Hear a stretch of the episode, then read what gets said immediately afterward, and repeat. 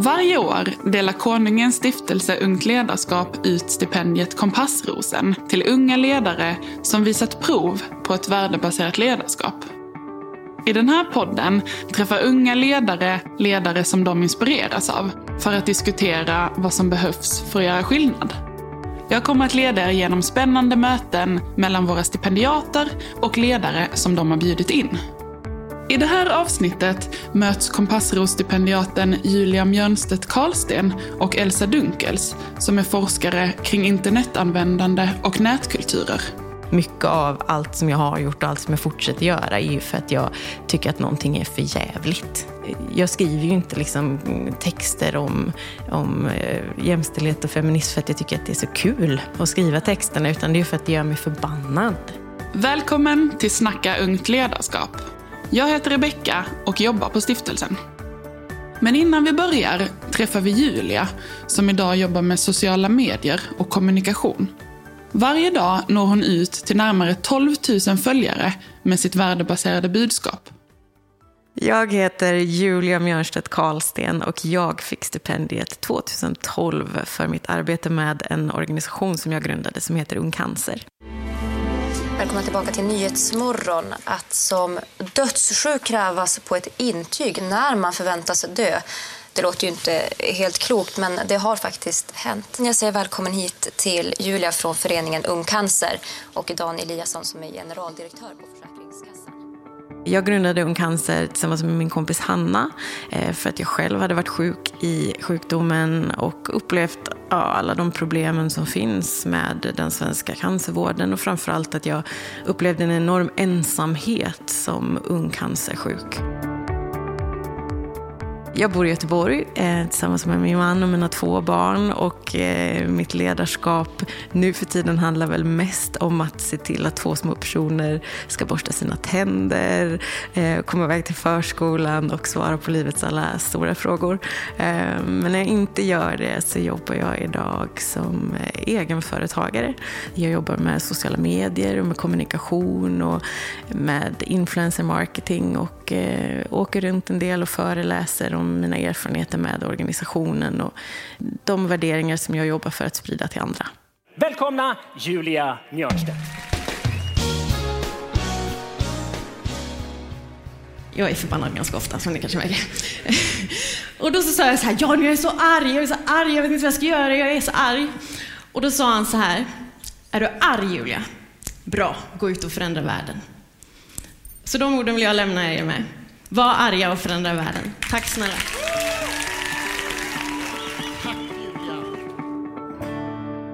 Mycket av mitt liv har ju handlat om internet. Jag träffade min man på Twitter. Organisationen som jag byggde upp byggdes upp tack vare sociala medier. Så min, min fascination för kommunikation och för vad man kan göra med kommunikation tror jag grundar sig i att jag har ett väldigt starkt intresse för mänskliga beteenden. Att jag, jag tycker att det är väldigt intressant att, att se liksom, hur människor beter sig i olika sammanhang och varför vi gör som vi gör. Och, så där. och Jag tror att har man ett intresse och en förståelse för det så är man väldigt mycket bättre på att förstå kommunikation och bli duktig på att kommunicera med människor. Oavsett om det är från människa till människa eller om det är som liksom, avsändare av ett budskap. och, så där.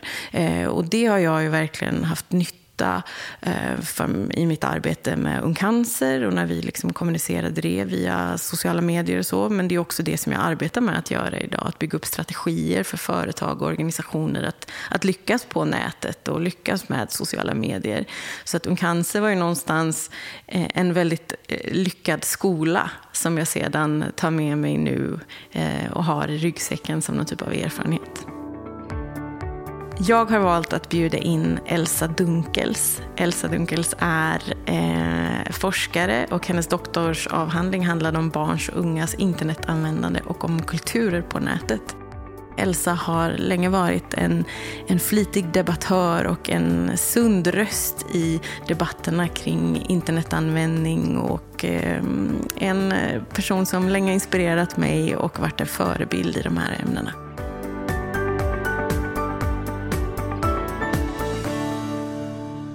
Då hälsar jag välkomna till podden Snacka ungt ledarskap. Idag med Kompassros-stipendiat Julia Mjörnstedt Karsten och Elsa Dunkels som är författare, forskare och föreläsare. Välkomna hit. Tack. Tack. Jätteroligt att ha er här och under en stund få fördjupa oss i ledarskapsfrågor och lite tematiska frågor också som förenar er. Mm. Hur fick ni nys om varandra? Jag vet inte egentligen. Det är väl, det, jag tänker så att det, du har alltid funnits som ett namn. Jag kan inte komma på när. Men jag förstår ju att det såklart finns något. Mm. Någon typ av årtal. Ja, från min sida tror jag att det, du har alltid varit den här kloka rösten i de frågorna som jag tycker har varit en ganska så här, eh, att det har funnits en ganska ytlig debatt om många saker och då har du kommit in med en klok röst i många debatter och så har man tänkt att ja men sa Elsa det så, så är det så. Mm. Eh, man tänker just med, liksom, med skärmtid och med alla de här sakerna som du faktiskt har ja, men forskat på. Liksom. Så, att, eh, så både för mig och också för min man så tror jag att du har varit och är en förebild i de frågorna. Så. Ja, vad roligt. Vi har ju aldrig träffats. Nej. Så därför var det ju extra kul mm, att eh, komma hit idag. Mm. Och hur ser nätklimatet ut idag? Jag tittar på dig, Elsa. Jag tycker nog att man kan säga att det finns två parallella utvecklingslinjer. Dels har vi det här otroligt tunga med hat och, eh, och väldigt mycket fördomar som frodas någonting oerhört och som är ett eh, hot mot demokratin. Men samtidigt så har vi ju en lika stark riktning som går åt totalt motsatt håll. Där vi hjälps åt mycket eh, på, på, alla möjliga sätt. Både så politiskt men också privat. Swisha pengar till någon som behöver eller bara stöttar allmänt. Men det är också ganska så kraftfulla processer där eh, framförallt yngre människor då skapar, bildar ny kunskap tillsammans och utvecklar terminologi omkring ja, till exempel det här med destruktiva normer. Så att det hade ju inte heller hänt utan internet. Så att de här pågår samtidigt. Mm. Nej, men jag, och jag håller med dig. Jag har ju lite fått uppleva båda extremerna av nätet. Alltså jag har ju byggt en organisation, en verksamhet tack vare eh, internet och att alla numera kan vara publicister och att man liksom inte behöver tjata till sig utrymme från media för att kunna få uppmärksamhet. Det finns en plattform där gratis kan förtjäna uppmärksamhet. Liksom. När vi grundade Ung Cancer så fanns ju inte det på det sättet som det finns idag, att man kunde köpa sig plats på sociala medier. Liksom. Utan då handlade det ju väldigt mycket mer om att skapa någonting som folk ville dela och engagera sig i. Sådär. Så den delen har, känner jag jättestarkt för. Och liksom, skulle den bli begränsad eller styrd skulle jag ty, alltså det skulle vara en jättestor sorg för mig. Samtidigt, precis som du säger, så har jag också fått uppleva alltså det extrema hatet. Och liksom speciellt som ung kvinna som eh, jag, men, jag skriver krönikor i GT och sådär. Jag får ju, liksom varje, efter varje krönika har jag ju väldigt mycket hot och hat som jag får motta för att jag liksom uttrycker mig så. Och det är, jag är ändå en mild version mot vad andra, mer offentliga kvinnor speciellt då får göra. Eh, och det är ju jättetråkigt och det är väl... Eh, alltså jag tänker speciellt när man har barn själv som ska växa upp ur det här. Liksom, hur ska jag hur ska jag navigera? Hur ska jag liksom, vilka delar ska jag visa för dem tidigt? Då? Jag tycker mm. det, är, det är jättesvårt, tycker jag. Men sen är det ju liksom, alltså, det finns ju två sidor av den negativa delen av det också, tänker jag, med nätet. Att så här, de här människorna som sitter, Om jag tänker på hela det här eh, hatstormen som var mot Jimmy Durmaz i sommar med fotboll. Och, eh, att de här människorna som skriver sådana här saker är folk som tidigare, det, det är ju inte att de har tyckt det mindre, det är bara att de har fått en annan plattform att uttrycka det på. Och så kan man ju säga, liksom, att, eh, om jag får använda de orden, så att idioter har alltid funnits och kommer alltid finnas. Liksom. Och det är ju på något sätt bra att det lyfts, att det finns och att det visas visas också och att de här människorna faktiskt får straff som de kanske inte skulle fått annars om de bara hade suttit hemma i sin soffa. Och liksom så. Ehm, samtidigt så blir det ju också, om man kollar på hela Trump, han har ju varit en, han är ju liksom den största, mest framgångsrika influensen vi har haft. Liksom. Han är ju mer en influencer än vad han är. Och det är ju tack vare internet och för att han har varit duktig på den typen av propaganda, eller vad man ska mm. säga. Det är en, en, fara i att, att de får säga det högt om och om igen. Mm. För det får ju effekt. Att till slut så vissa saker tror man på för att man har hört det tillräckligt många gånger. Mm. Konstigt nog. Men jag tycker också att det är viktigt det du säger att det här ändå alltid har funnits. Mm. För ibland kan det kännas som att i det offentliga samtalet att det pratas om det här som att det vore nya eh, känslor. Alltså, alltså, hatet vore någonting nytt. Och det är ju verkligen inte det. Det mesta är ju hat mot kvinnor eller eh, rasism och så, som ju alltid har funnits. Så, ja, i, I någon mening så kanske det är bra att det kommer upp och att det i slutänden kan leda till att hatet minskar. Mm.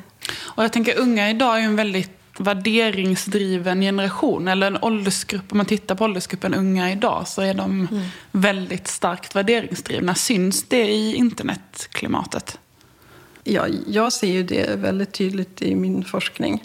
Att det... Jag brukar tänka så här att åh, är det de här som ska ta över? Då är jag lugn. Mm. Då kan jag liksom luta mig tillbaka. För det finns så mycket tankar och ja, men, allmänbildning omkring eh, samhällsfrågor och mänskliga frågor. Alltså jag eh, är väl medveten om att jag mer befinner mig i en bubbla än, än vad du gör då kanske, Elsa, eftersom du också har ditt forskningsperspektiv. Liksom. Men, men jag tycker att det är stor skillnad bara sedan några år tillbaka hur mycket mer är liksom, eh, men man vill lyfta frågor snarare än att posta saker på sitt eh, fantastiska liv. Liksom. Att eh, jag tycker att det mer och mer går ifrån det, utan mycket mer blir värdebaserat. Ja, men kolla på hur Greta liksom har skapat en hel folkrörelse över hela världen och är liksom det snabbast växande Instagramkontot typ någonsin i Sverige. Liksom. Eh, det tycker jag verkligen att det har, har förändrats och att det finns möjlighet att ha den typen av plattform att liksom få ut sina, den typen av budskap på. Mm, och där är ju just den här att man inte är geografiskt begränsad är ju, tror jag, den viktigaste delen av, av, av, som internet har bidragit med. Att um, alla de här som när jag gick i skolan var lite konstiga, hade udda idéer och så var kanske helt ensam på sin skola. Och nu så kan man knyta ihop sig med en massa andra sådana. Och många av de här som har hamnat i någon sorts så här, eh, nyhetsrapportering av något slag eh, har ju faktiskt varit helt ensamma på sin skola. Mm. Har fått slåss för en fråga, men haft ett, ett stort nätverk omkring sig ändå. Och det är ju självklart eh, frigörande mm sida hos tekniken. Verkligen. Tänker ni är båda eh, liksom offentliga personer och, och förebilder. Hur, hur tar ert värdebaserade ledarskap sitt uttryck i era kanaler? Um, alltså jag ser ju att jag har ett ansvar i att vara ärlig och att visa på många olika sidor och att inte försöka liksom, um, måla upp någon perfekt bild eller liksom att, att mitt liv på något vis skulle vara bättre för att jag vet hur jag själv påverkas av människor som visar upp de sidorna. Så, um, så det är väl mycket det jag försöker, så här, vad är mina vad är mina grundvärderingar och hur kan jag liksom få dem att lysa igenom och att eh, få människors vardag att kanske kännas mindre ensam framför allt, tror jag. Eh, det handlar mycket om, för att jag själv har saknat det så mycket. Ja, men det är ju suveränt. Jag, jag, jag tänker ja, nästan det som ett projekt, sådär att, att visa alla möjliga sidor. Att inte allting ska vara så perfekt. Och det kan jag också se att väldigt många yngre, det är kanske därifrån jag har fått inspirationen, att många yngre är bättre på det än folk i min ålder. Och att liksom bjussa på saker, vara generösa och, och bjuda in till att det kan vara dåligt ibland. Mm. Och det, det, har ju dubbla effekter. Det ser jag också på de som jag har intervjuat. Att när de delar med sig av det som inte känns så bra så dels så blir det ju terapi för dem. Här, nu berättar jag om det här. Och dels så kan ju andra höra av sig och stötta. Så det är en, en otrolig vinst att mm. ha den um, ingången snarare än det här att lite maniskt försöka framkalla ett perfekt liv genom att låtsas att man har ett perfekt liv. Mm. Uh. Och det, jag tror att den, alltså det spelar ingen roll hur många gånger man gör den påminnelsen för att den är lika, mm. lika uppskattad för det. det jag tycker är svårt är att, att försöka skapa en plattform där folk kan prata med varandra. Att det väldigt ofta på typ Instagram, där jag är som mest aktiv, blir en liksom en konversation mellan dem och mig. Att det liksom, jag vill ju också bjuda in till på någon typ av plattform där de kan prata med varandra. Liksom. Och då, men jag har märkt det, att om jag kan ställa frågor, typ så det här är mitt problem, vad tycker ni? Eller hur kan ni, liksom, vad har ni för råd, tips i det här? Eh, med UDD idag till exempel, och det var en tjej som skrev ett jätte, jättebra tips. Och då märkte jag att det var jättemånga som var där inne och sa, det här var perfekt, det här ska jag tänka på nästa gång. Och det gör mig ännu gladare. Inte mm. att jag ska sitta som någon typ av så här, jag sitter på alla svar, utan när de också, när liksom blir någon typ av dialog där inne och de kan, eh, man, man, kan få ut något annat som inte bara kommer från mig utan att det någonstans har blivit en plattform där vi har samlats tillsammans. Så. Eh, men jag tänker att det går lite ihop med, så med vilken typ av ledare man vill vara. Liksom. Alltså att nu menar jag inte att jag är en ledare på nätet men, om, men att jag tänker liksom så att jag vill inte vara en person som leder och så ska alla bara följa efter utan jag vill liksom så att jag någonstans ska skapa en plats där eh, här har vi en skyddad verkstad och så kan ni komma in och, och leda varandra eller stötta varandra eller lyfta varandra eller falla ihop eller vad ni nu vill göra. Liksom. Att det, eh, och det är kanske därför jag har svårt för det formatet på något vis. Liksom. Att, eh, samtidigt som jag förstår att det är uppbyggt på det sättet. Men det gör mig glad i alla fall när det lever vidare av sig självt när jag inte behöver vara där och pilla. Liksom.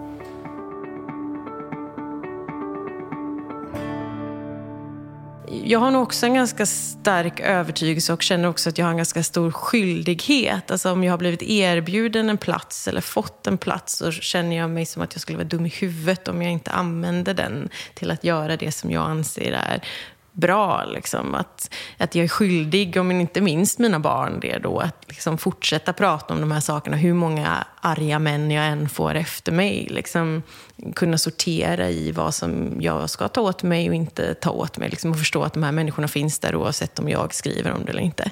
Um, men sen finns det liksom ljusglimtar när man ser att man, jag eller någon annan skriver om saker som får människor att, att liksom tänka till, må bättre. Eller man ger sig in i någon diskussion där man inte kritiserar utan kanske istället frågasätter någon. Och man märker att den personen liksom inser saker och kommer vidare. Och då, eh, då är det ju värt det alla dagar i veckan. Så en sån sak räcker ju någonstans.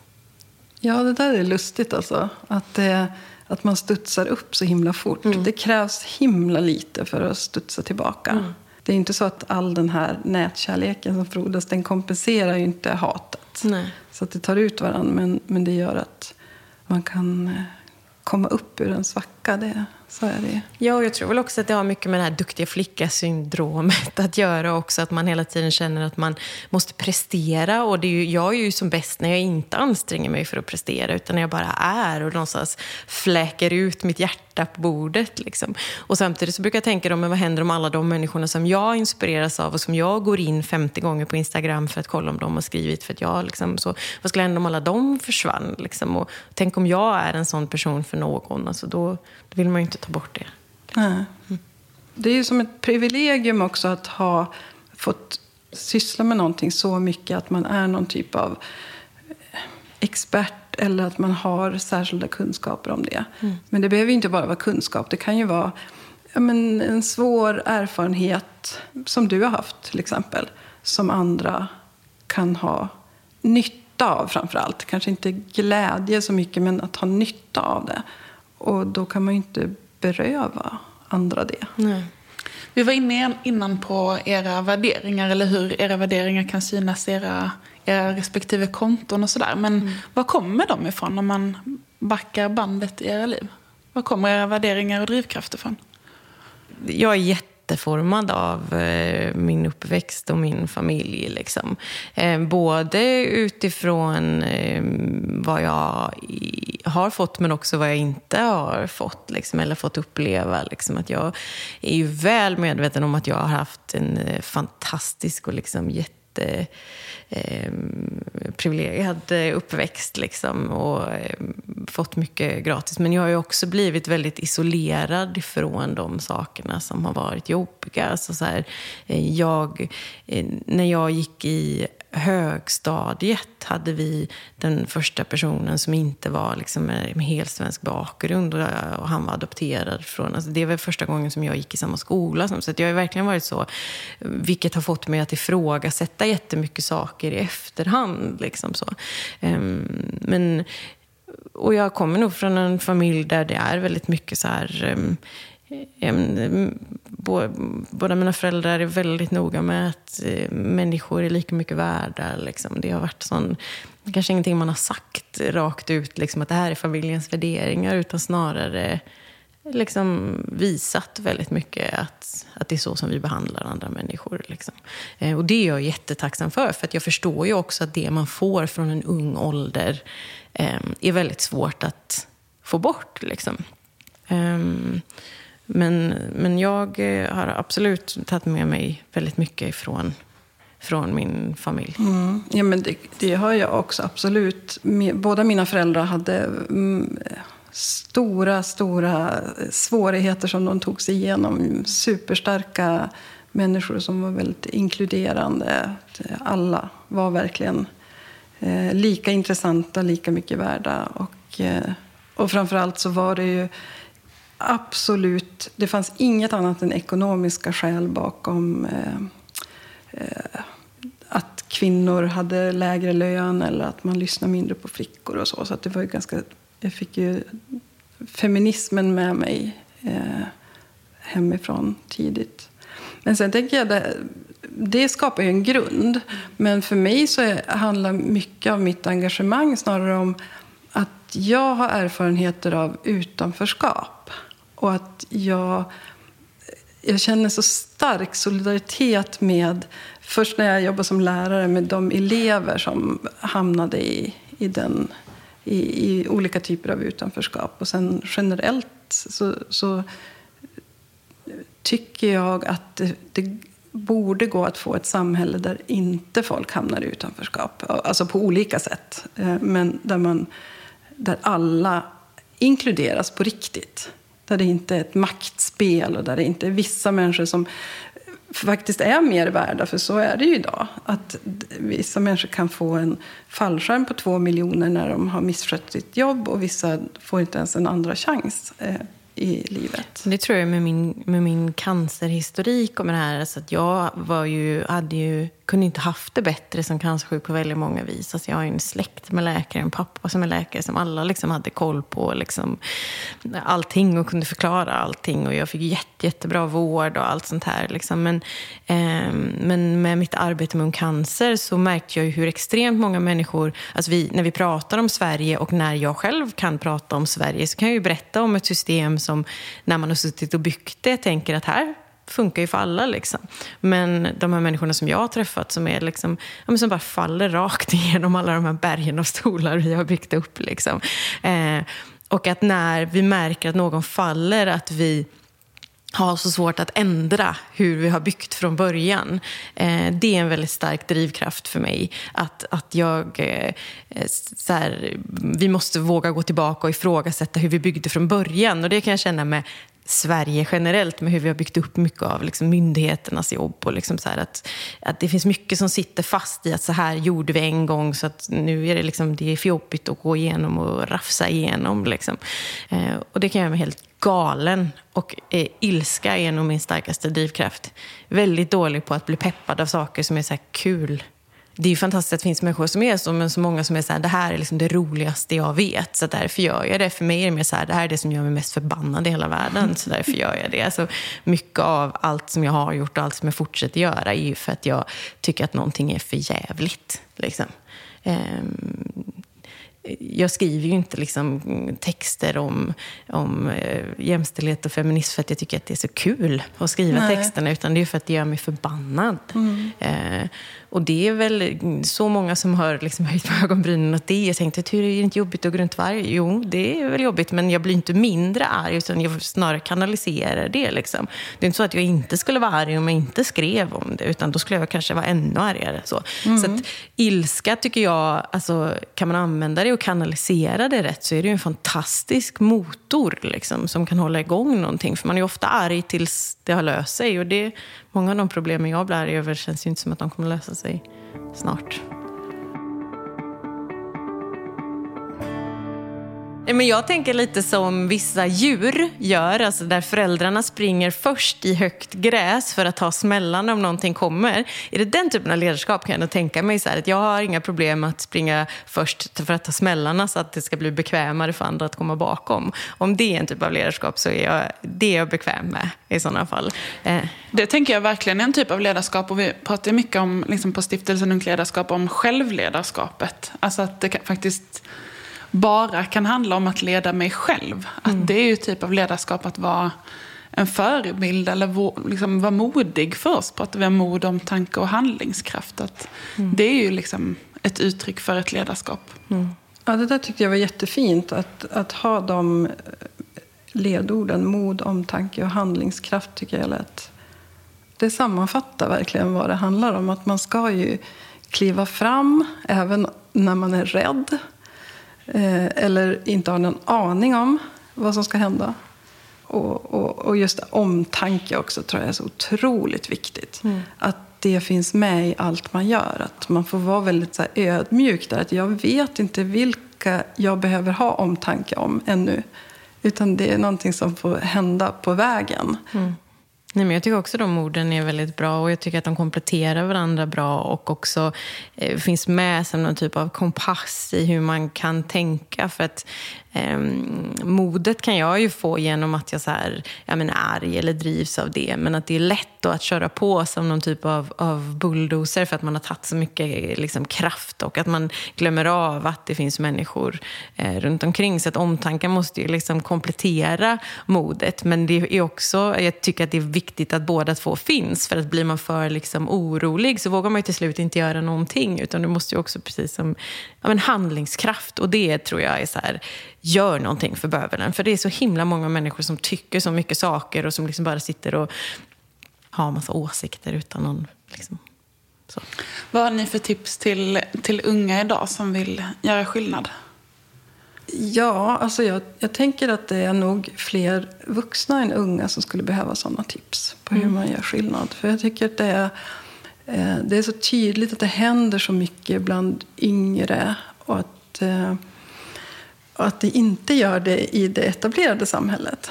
Nej, jag har nog faktiskt ingenting att bidra med. Jag, ska, jag, jag lyssnar och suger i mig och fascineras snarare. Och, och tänker att det där, ska jag, det där ska jag börja med. Jag har så ett säg som jag brukar säga till mig själv. Och det är att eh, gå till dig själv men tänk på andra. Att liksom, eh, jag ska inte gå ut och peka på, som vi pratade om förut, vad alla andra gör och liksom eh, döma eller liksom tänka att alla andra är dåliga. Utan försöka gå till mig själv och tänka på vad jag kan göra bättre och sådär. Men och med tänk på andra eh, i att, ja, men att eh, jag har det fruktansvärt bra i mitt liv och istället tänka på de som inte har det. Och vad kan jag använda eh, om jag har energi och kraft att liksom förändra någonting eller vara med i någon process så gör det åt dem som behöver det. Eh, och använd rösten till de som kanske inte har en lika stark röst. Så. Eh, och det tänker jag att det, är väl en, ja, men det har varit en bra vägvisare för mig. Och kanske kan vara det för andra också. Ja, det måste ju vara den absolut finaste typen av ledarskap att tänka så. Kanske. Att använda sitt eh, sitt privilegium, sin styrka till att göra gott för alla som inte kan. För så är det ju verkligen. att Många är ju helt utan makt. Mm. Finns ingenstans att vända sig. Nej, nej, så är det ju. Och ofta när man tänker så, så tänker man ju att ja, men då tänker man på människor i andra länder och man tänker på människor långt bort. Men de finns ju verkligen precis i vår mm. närhet också. Mm. Eh, människor som behöver en röst eller att man liksom är deras megafon på något vis. Eh, och kan man vara det så är det typ det finaste man kan vara, tycker jag. Mm. Stort tack för detta. Fortsätt att vara modiga, omtänksamma och handlingskraftiga. Det ska vi försöka. tack. Tack, tack.